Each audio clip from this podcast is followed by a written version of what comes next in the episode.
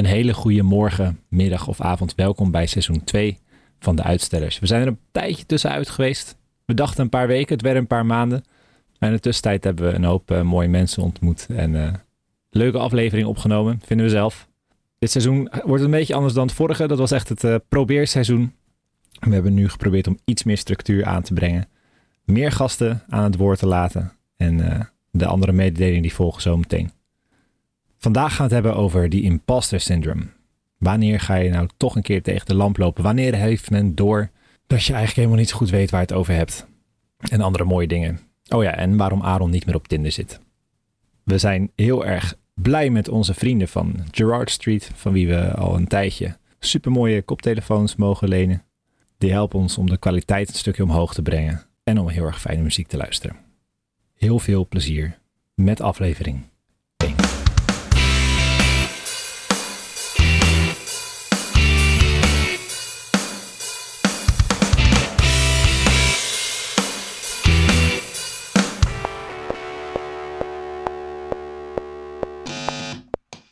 Aaron heeft op Tinder gezeten, maar hij zit er niet meer op. Waarom zit je niet meer op Tinder, Aaron? En uh, de recorder loopt. voor de echte reden geworden. En voor de fans, Aaron die uh, is uh, volgens mij, of er moet echt iets veranderd zijn, maar volgens mij Nee, is hij nog single. Hij is single. De echte reden dat ik zomaar Tinder zomaar mijn account heb verwijderd, is omdat ik per ongeluk iemand had gesuper liked. En toen dacht ik, hell no. Dus delete account. Diegene die haalt zichzelf nog steeds elke nacht in slaap. nou ja, ik was op zich zo snel als ik mijn account verwijderd, dus ik weet niet of ze het überhaupt gezien hebben. Oeh. Maar dit is wel een goede clickbait. Waarom Aaron zijn Tinder heeft verwijderd. Precies. Een mooi bruggetje naar waar we het vandaag over willen hebben, volgens mij. nee, nee, echt helemaal niet. Waar ging het ook over hebben?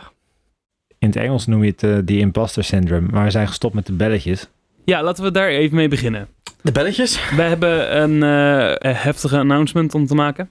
En dat zeg ik expres in het Engels, want we zijn gestopt met het belletje. En dat scheelt me echt heel veel werk, dus ik ben er heel blij mee. Ja, ja, we kregen volgens mij een eh, mooie suggestie van eh, seizoen 1 eh, veteraan Theon Bell. Die zei op een gegeven moment van ja, als je echt dat belletje wil doen, moet je eigenlijk gewoon een fysiek belletje meedoen. En op het moment dat iemand daar voor het eerst op slaat omdat iemand iets in het Engels zegt, weet je meteen waarom je het niet meer moet doen. dat is wel waar. Heeft hij best een goed punt. Dus bij deze heb ik een belletje meegenomen. nee, nee. Ik was eh, gisteren aan het werk ergens en daar was serieus zo'n belletje waar iemand heel hard op ging drukken, zodat iedereen eh, bij elkaar ging verzamelen voor een, eh, een of andere meeting, een soort town hall meeting. Ik begrijp ook waarom we dat belletje niet... eh, nee. Anyway, vandaag gaan we het hebben over het oplichterssyndroom. Want dat is de Nederlandse vertaling blijkbaar. Dat zijn niet per se dezelfde woorden. Nou ja, het is, het is, het is de, de officiële benaming van hetzelfde syndroom. Oké, I am confusion. Precies. Nou, waarom we het daarover hebben? Ruben zit heel veel op LinkedIn. En dan leest hij dingen van psychologen en zo. En ik kwam een stukje tegen waarin ik eigenlijk soort van mezelf heel erg herkende. Namelijk, als ik iets niet per se heel erg goed weet, dan durf ik er soms nog wel eens heel erg boute uitspraken over te doen. En dat is juist omdat ik er niet zoveel over weet. Dus ene Thijs uh, Launsbach, Launsbach, een uh, stress-expert en auteur van het boek Fucking Druk. Nice. heeft hij wat over geschreven. Iedere werkplek heeft er wel één. Die collega die alles lijkt te weten en met veel vertrouwen in zichzelf de ingewikkeldste dingen makkelijk weet te maken. Als je met een probleem bij ze komt, zegt ze dingen als: Je moet gewoon X doen, joh. Op feestjes kom je ze ook vaak tegen. Het zijn de lui die hard dingen schreeuwen als: Het klimaatprobleem, dat is eigenlijk heel simpel. Namelijk, nou ja, vul in. En dit stukje wat me wel even aansprak is dan... in vergelijking met dit soort mensen ben je zelf een twijfelaar. Waar het voor hen duidelijk zwart-wit is, zie jij vooral de grijstinten. Met zulke overtuigingen en ongenuanceerde mening verkondigen, dat kun je niet.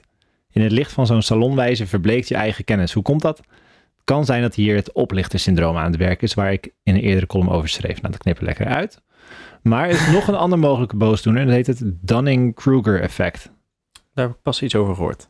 Ja. Leg eens uit. En dat Dunning-Kruger effect is best wel interessant. Waar het op neerkomt is dat de mensen met de minste resultaten van zichzelf dachten dat ze het allerbest hadden gescoord. En vice versa. De hoogscorers waren bescheiden genoeg om hun scores precies goed in te schatten. Dat is best wel uh, leuk om die twee dingen samen te pakken. Van, kijk, situatieschets. Ik kom heel vaak in een situatie binnen waar ik iets moet doen, wat ik nog niet per se eerder heb gedaan. ik heb wel wat zelfvertrouwen, zeg maar. Dus dan denk ik, oh, dat kan ik wel. En hoe meer je leert over het onderwerp en hoe meer je erachter komt dat je eigenlijk helemaal geen bal ervan hebt begrepen, hoe genuanceerder je wordt in je mening. Maar dat probeer ik dan ook altijd toe te geven. Maar er zijn ook mensen die vinden het heel moeilijk om toe te geven dat ze iets eigenlijk niet snappen. En dan loop je continu rond met die angst van, eh, ik ga door de mand vallen, ik ga door de mand vallen, ik ga door de mand vallen. En dan kun je het bij jezelf gaan houden en er niet over praten. Tot op het moment dat je iets moet laten zien en je daadwerkelijk niet kan. En dan val je echt door de mand. Dus dat is een soort van self-fulfilling uh, prophecy. En ik worstel daar heel af en toe al mee, omdat ik als expert ergens binnenkom. Zo word ik ingehuurd, in elk geval specialist. En dan uh, moet je het allemaal maar weten. En hoe doe je dat dan? Ja, even voor de, voor de schets. Jij hebt theologie gestudeerd Mhm. en jij werkt nu als... Communicatiespecialist. En wat heeft dat met elkaar te maken? Nee, ik zou heel goed een verhaal moeten kunnen vertellen. en andere mensen kunnen vertellen hoe ze dat beter kunnen doen. Ja, precies. En dan in de praktijk kom je erachter dat ten eerste de mensen met wie je werkt vaak geen idee waar ze mee bezig zijn en maar gewoon wat doen. Maar als ik ze kom helpen, dan kan ik ook vaak niet meer dan dat ik kijk naar wat er gebeurt en kijk hoe we dat kunnen verbeteren. Niet omdat ik de antwoorden op elke vraag heb.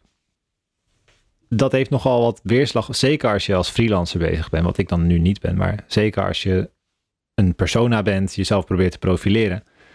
Hoe zeker kun je zijn van wat je kunt en doet en, en hoe praat je over jezelf? En als je ergens binnenkomt, doe je dan alsof je alles weet of durf je eerlijk te zeggen dat je iets niet weet of niet begrijpt? En, en, en waar zit het grijze gebied? Waar zit de scheidslijn? Ik vind dat, uh, vooral je zegt, van, uh, wa- wanneer moet je gewoon een soort van doen alsof je het wel weet. Want, eh, zeg maar, je hebt eigenlijk een beetje twee kanten van het verhaal. Aan de ene kant imposter syndrome, je weet, of je bent soort van bang, je hebt angst over wat je niet kan. Tegelijkertijd is toch een van mijn favoriete uitspraken ooit. De, de klassieker is fake it until you make it. Uh, andere, die, een andere versie die ik daarvan een keertje heb gehoord was gewoon make it until you make it. En dat is dan iets in, meer inderdaad van niet zozeer doen alsof je het kan, maar ga het gewoon doen en kijk waar je uitkomt. Um, want dat is iets wat ik bijvoorbeeld best wel vaak tegenkom uh, in mijn werkveld. Voor de mensen die dat nog niet weten, ik ben fotograaf, videograaf. De laatste tijd ben ik toevallig uh, veel meer met video bezig. Ben ik zomaar ingerold. En dan krijg je soms gewoon verzoeken op je pad van, oh, kun je ook dit doen? Kun je dat ook? Uh, weet je, bijvoorbeeld kun je in After Effects van die mooie animaties maken met uh, titels die dan helemaal cool uitzien. Kun je dat? Nou ja, eerlijk gezegd, 9 van de 10 keer weet ik het dan niet. En ik zeg gewoon wel, ja hoor, dat doen we gewoon. En dan leer je het maar. Dan ga je maar opzoeken op YouTube uh, hoe je dat dan moet doen. Dus er zit een beetje twee kanten aan dat, dat hele ja, dilemma. Ja, dus je hebt wel je hebt zelfvertrouwen in je eigen lerend vermogen. Waardoor je durft te zeggen van ja, dat doen we. Omdat je weet dat je in de tussentijd ervoor zorgt dat je het jezelf wel aanleert. Ja, en in het ergste geval, als ik het echt niet kan, dan weet ik ook dat er uh, manieren zijn om het zeg maar uit te besteden aan ofwel iemand anders of templates downloaden en het uh, daarmee te doen. Dus misschien is dat in mijn werkveld wat makkelijker te doen uh, dan in andere. Maar het voordeel van op die manier ermee omgaan is dat ik eigenlijk zeg maar sowieso iets win.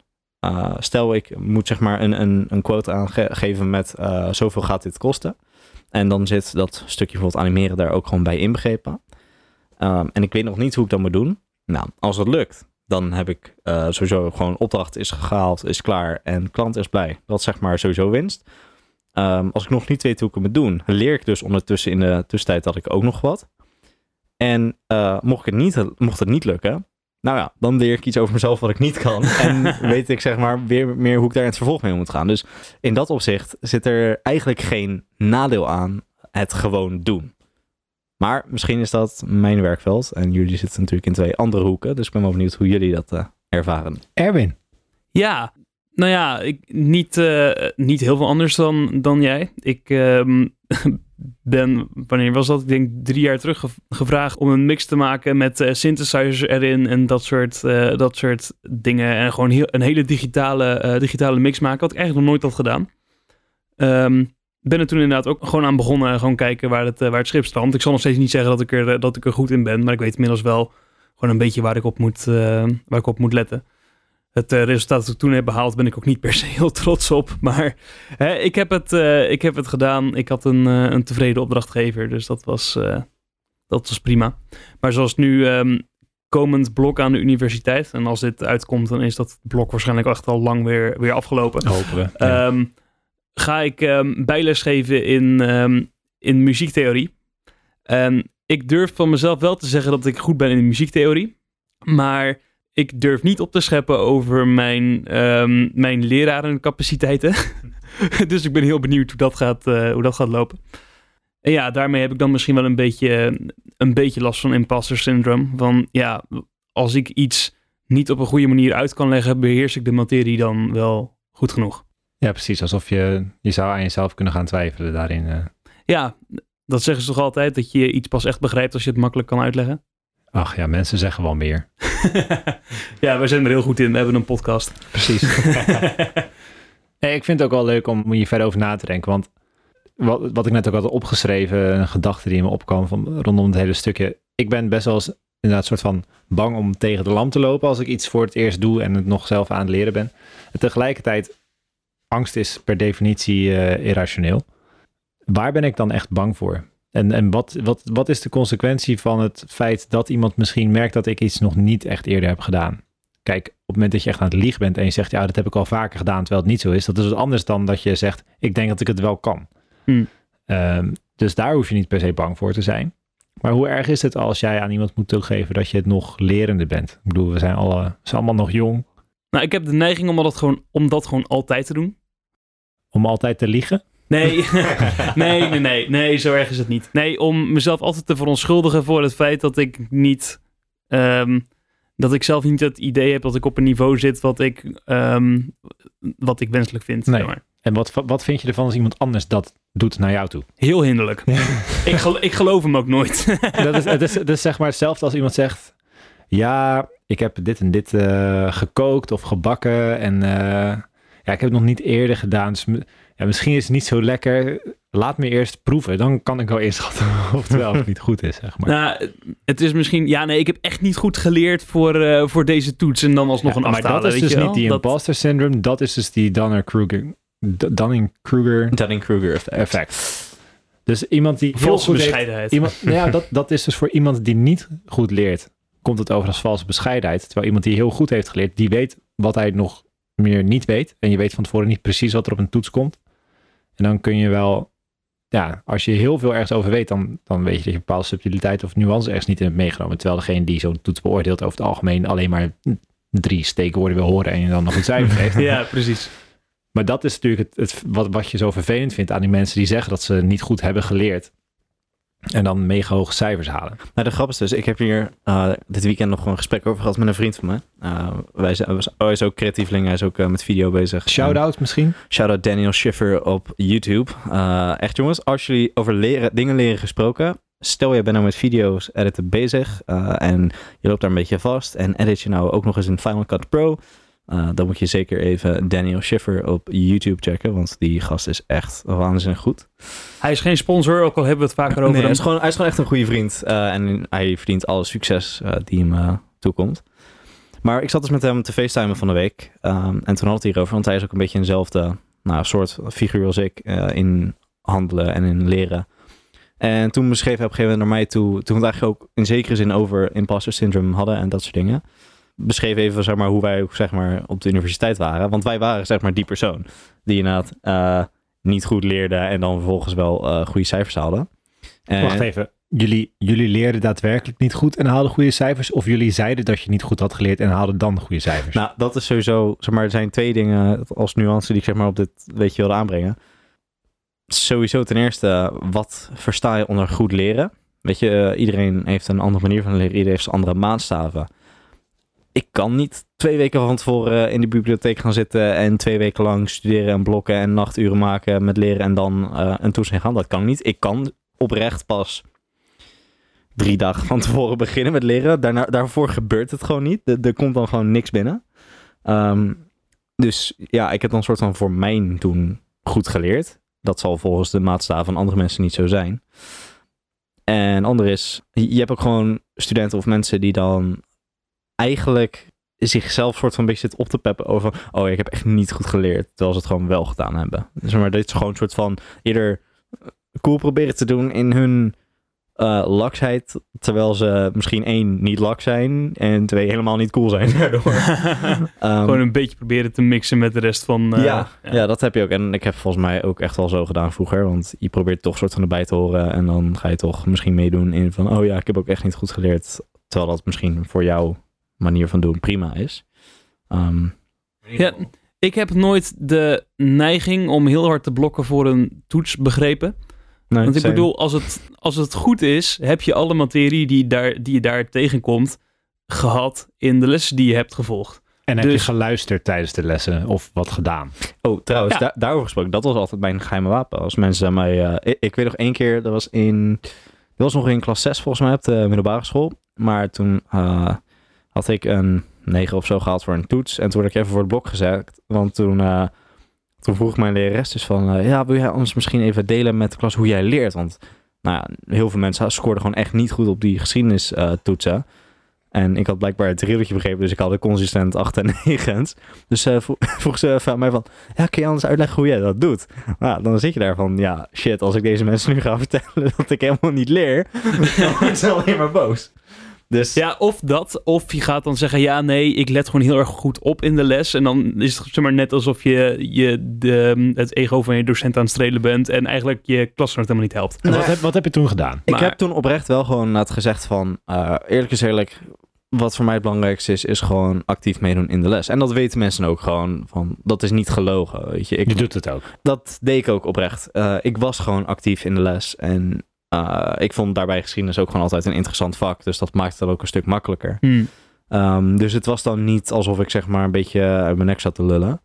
Maar dat was wel oprecht wat ik dus ook aan iedereen soort van meegaf. Van ja, eerlijk is eerlijk.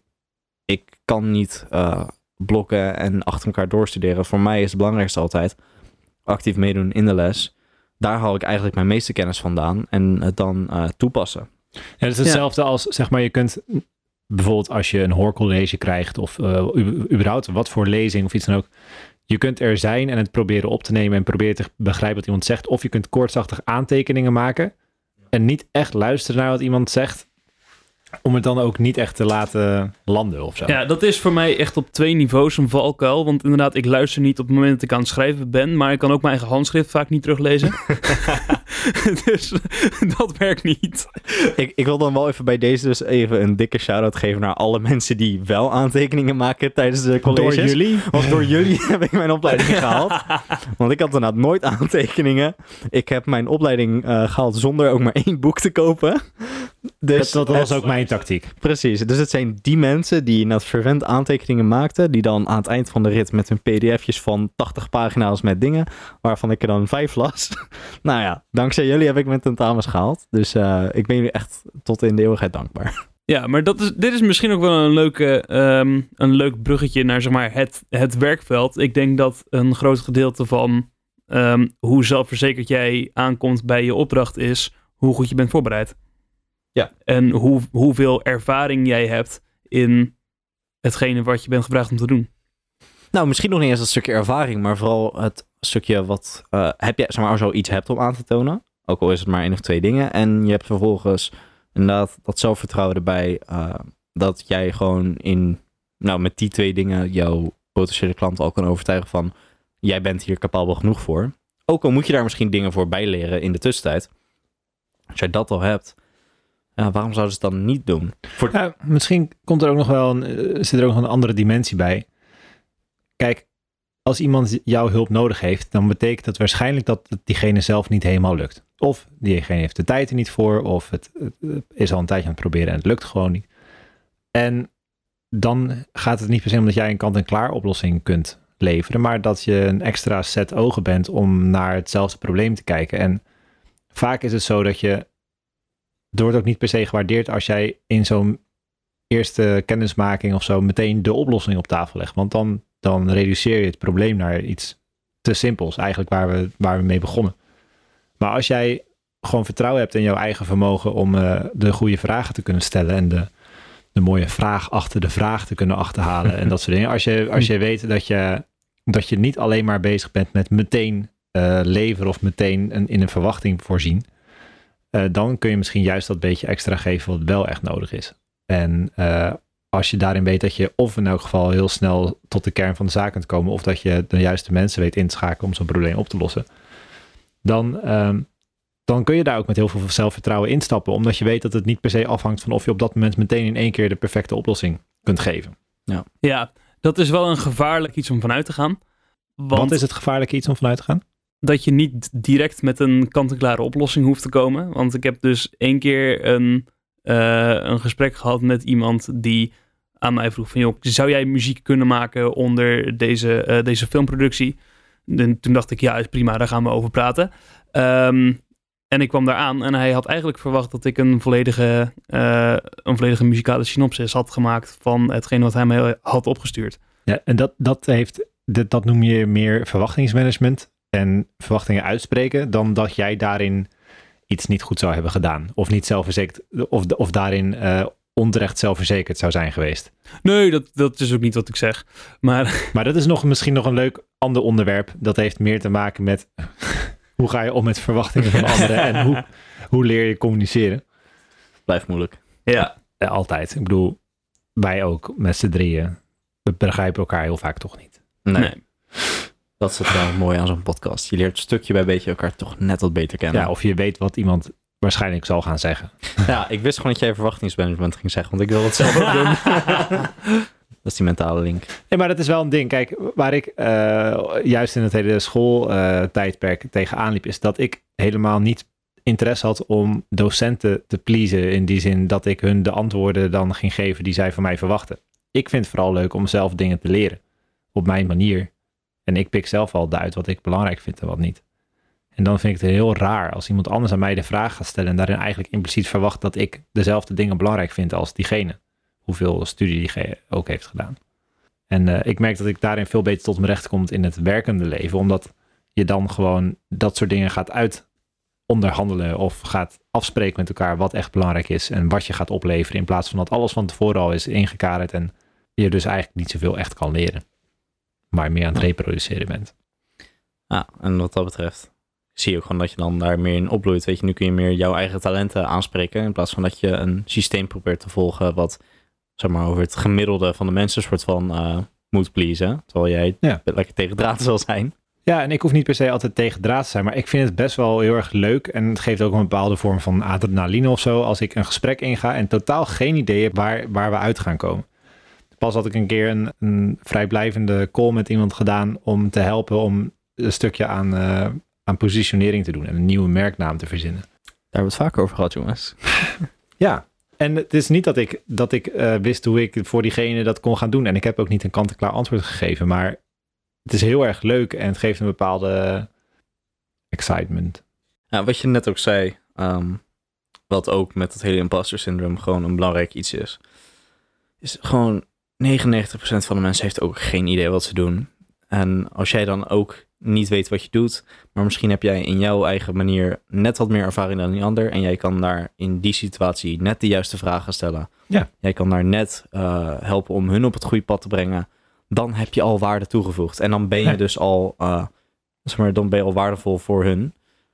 En dat is gewoon al genoeg, eigenlijk. Alles wat daarna komt, alles wat jij aan product kan aanleveren, alles wat jij eh, aan, in, mijn, in werkveld dat allemaal net iets mooier eruit ziet, dat het net die animaties heeft, dat is allemaal extra. Maar op het moment dat jij een product aflevert wat eigenlijk vooral doet wat het moet doen, en 9 van de 10 keer zal dat zijn het verhaal vertellen wat ze willen vertellen, dan heb jij eigenlijk al gedaan wat ze nodig hebben. Want animaties zijn leuk. Eh, weet je, de perfecte filmscore kunnen maken. Of dat nou zeg maar bij je eerste meeting is of, of na vijf weken na dato.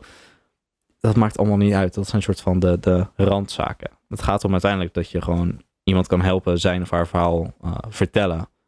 Op een zo duidelijke manier mogelijk. En alles wat jij aan skills hebt die daarin eh, nou ja, dat op het goede pad brengen. Dat is al waardevol. Dus eigenlijk is dit gewoon een grote liefdesbrief aan jou, lieve luisteraar. Jij bent waardevol. We houden van je. En je Omdat je ook naar ons je- luistert. En je mag van jezelf houden. Je hebt altijd iets te vertellen. Precies, precies. Erwin die houdt nooit van dit soort dingen. Nee, nou ja, ehm, nee. nee, vind ik, vind ik echt verschrikkelijk. Nee, ehm, Ga weg. eh, Do not disturb. nee. Ehm, Ruben en ik hebben samen met een vriend een, eh, een stichting opgezet. Hoe heet die stichting? Eh, Stichting Tamper Productions. Zelf. Ja, lekker. Ehm, en we hadden daar een, ehm, een soort vrijblijvend gesprek ehm, voor gepland met eh, iemand die via via bij ons terecht was gekomen. En die had contact gekregen met, eh, met mij. En het eerste soort van klantengesprek met die persoon liep dus, eh, liep dus via mij. Nou, wij hebben met z'n drieën onderling beslo- besloten dat ik niet de persoon ben om dat soort dingen te doen. Maar eh, omdat hij zeg maar via mij erbij kwam, hebben we toch maar besloten dat ik dat eerste initiële gesprek ging, eh, ging voeren. Die persoon die kwam aan bij dat gesprek met een eigenlijk volledig uitgewerkt businessplan en die dat aan mij zien. En op dat moment had ik zoiets van: oké, ik weet niet meer wat ik hier doe, want jij hebt hier blijkbaar veel meer verstand van dan ik. Ik ben hier als projectmanager. Ik weet dingen over muziek. Dat is waar mijn expertise stopt. Ik weet hoe ik een productie kan, kan laten draaien. En marketing, daarvoor moet je toch echt bij Ruben en Bart zijn. Ehm, dus dat was een heel lang en moeizaam gesprek. Dat, dat was niet eens meer imposter syndrome. Dat was gewoon echt gênant. Toen was je echt niet op je plek. Nee. Nee, maar dat is ook iets wat je dan daarmee weg zou kunnen schuiven. Maar tegelijkertijd is het ook heel krachtig dat je kunt aangeven van... joh, top. Maar hier moet je mij niet voor hebben. Nee, dat is ook wat ik echt heel vaak heb gezegd tijdens Ja. dat gesprek. Ja, maar dat is ook heel goed om het van jezelf te weten. Want stel je voelt je zo verantwoordelijk om dan maar ermee aan de slag te gaan. Terwijl je eigenlijk van tevoren al weet dat het gewoon helemaal niet gaat werken. Dan eh, maak je het eh, jezelf en iemand anders best wel moeilijk. Ja. Maar goed, hè. Doen we niet moeilijk over. Daarom zijn we Want- met z'n drieën. Want dan, dan stuur je iemand door naar mij en ik heb ook geen idee waar ik mee bezig ben. En dan, eh, Maar wel net dat ene beetje meer wat ze misschien nodig hebben. Ja, precies. ik vind vragen stellen vooral heel erg leuk. En eigenlijk, meestal als mensen iets willen, dan weten ze niet precies waarom ze het willen. En dat vind ik altijd wel erg leuk om daarachter te komen van, maar waarom wil jij nu opeens een nieuwe website? Of waarom wil jij nu opeens? Nou, dat vind ik ook een soort van leuk in mijn werkveld om een beetje te kijken van, heeft iemand dit überhaupt al nodig? Weet je, soms dan zie je dingen voorbij komen dat mensen met eh, vragen komen van, oh ja, dan wil ik echt hele productie daaromheen bouwen of dan wil ik echt dit soort content hebben en dan gaan we dat zo en zo inzetten. Terwijl je soms denkt van, ja maar, ja, maar waarom? Eh, een voorbeeldje uit, zeg maar, recent dan is dat iemand alles per se in het Engels wilde doen. Terwijl hun klanten alleen maar in eigenlijk Nederland en een beetje in België zitten.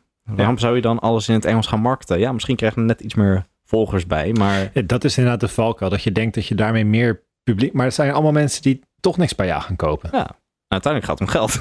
ja.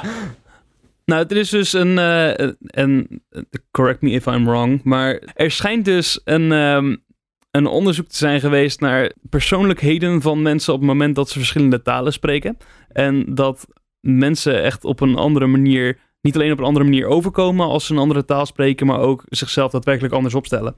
Eh, Dat is Dus- waar. ja, Dus... Kan ik uit ervaring zeggen. Ik vind mijn eigen stem veel prettiger in het Engels. Daar ben je ook de enige in. Nee, Nou. maar het, ik, kan me, ik kan me voorstellen dat zo'n zo'n bedrijf wat zich in het Engels wil, wil profileren, terwijl het eigenlijk een Nederlands bedrijf is, misschien een stuk minder, eh, minder sympathiek of minder aantrekkelijk overkomt op het moment dat ze zich eh, in het Engels profileren. Nou, nee, op zich, want ik schrijf ook alle teksten. Dus daar... En ik moet zeggen, ik vind mijn taalkundigheid in het Engels ook oprecht beter. Dus voor mij is Engels wat dat betreft comfortabeler. Maar als je gewoon kijkt naar, eh, om er terug te komen, wat is het verhaal wat ze proberen te vertellen? Wie proberen ze te bereiken? En wat moeten die mensen eigenlijk eh, denken, dan wel niet voelen? En dan landt Engels helemaal niet. Nee, en dat, dat heeft denk ik ook te maken met het feit dat je veel minder van iemands karakter of, eh, en dan hebben we het over tone of voice, zeg maar.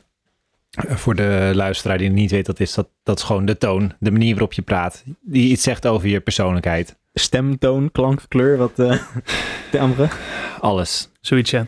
Gewoon het beeld wat mensen van je vormen. En als jij een beetje onzeker bent over jezelf en je denkt dat je door in het Engels te gaan praten je iets serieuzer genomen kan worden, zegt vooral heel veel over hoe jij denkt over te komen als je gewoon in je normale taal gaat praten. Alsof mensen je dan niet serieus nemen. En dat vind ik altijd wel een leuke om terug te geven aan mensen. Van joh, allemaal leuk en aardig, maar wij praten nu toch ook. Waarom praat je niet gewoon zoals je bent? Waarom denk je dat je jezelf iets anders moet presenteren dan je daadwerkelijk bent? En dan kom je eigenlijk ook weer terug bij die imposter syndrome.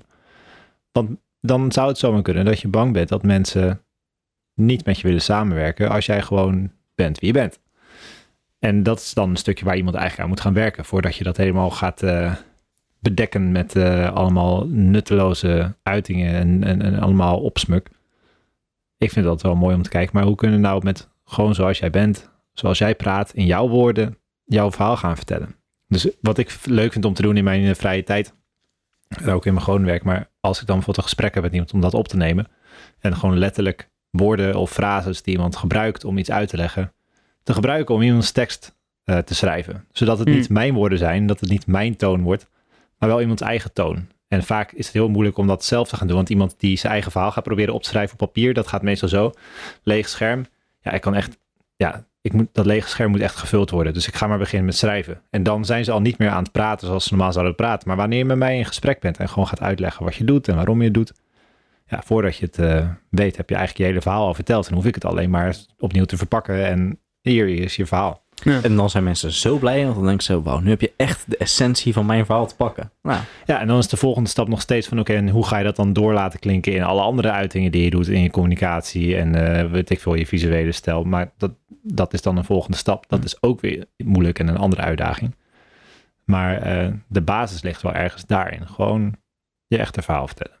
Als je je verhaal, zeg maar, op die manier wil, ehm, op die manier wil vertellen, door echt, zeg maar, je eigen tone of voice te gebruiken, dan heb je ook gewoon heel veel, ehm, heel veel zelfvertrouwen nodig, of heel veel, moet je heel veel zelfvertrouwen veinzen. Dat je echt ehm, het, het vertrouwen hebt om jezelf neer te zetten als persoon die goed genoeg is om dit product aan te, eh, aan te prijzen. En wat ik, wat ik zelf daarin merk, is dat als je dat, als je dat veinst, dat, dat zelfvertrouwen, als je zeg maar een soort van façade van, van vertrouwen hebt, ook al heb je eigenlijk echt gigantisch last van dat, van dat imposter syndroom, dat dat je uiteindelijk ook wel op gaat breken. Dus ik denk dat het beter voor jezelf is om daar gewoon eerlijk over te zijn. Het wordt op een gegeven moment ook heel erg lastig om, om, dat, om dat vol te houden op die manier. Dat gaat je inderdaad gaat, gaat een beetje etteren. Je gaat steeds meer aan jezelf eh, twijfelen. Of je hebt steeds meer het gevoel van ja, er gaat een moment komen dat eh, mensen ook wel doorhebben dat. Of, eh, dus waarom niet meteen daar duidelijk in zijn? Dat betekent niet dat je bij alles wat je zegt twijfelwoorden moet gaan gebruiken. Maar gewoon praat gewoon zoals je met iemand appt. En laat het dan wel door iemand checken op spelling.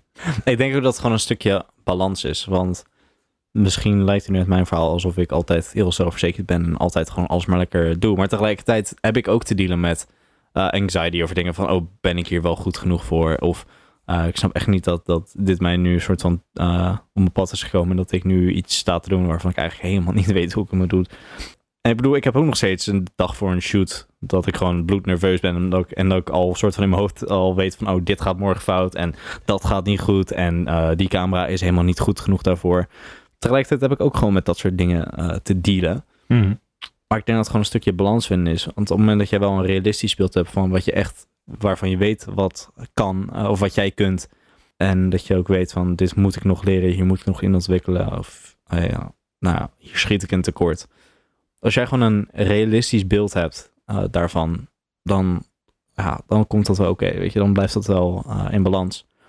Plus, wat daarbij ook heel erg helpt, en dit kan je echt niet vaak genoeg benadrukken, is zorg dat je gewoon een netwerk van mensen om je heen hebt die eh, ook zo'n realistisch beeld van jou hebben. Die dus op zo'n moment kunnen, eh, van dat jij ergens in de, in de anxiety zit van, ik weet niet of ik dit kan, of eh, is mijn, nou bijvoorbeeld mijn is mijn camera daar wel goed genoeg voor? Moet ik niet nog iets daarvoor huren? Of wat ik. Dat gewoon die mensen dan tegen jou kunnen zeggen van, hey, komt wel goed. Jij kan dit. ik geloof in je. En geen zorgen.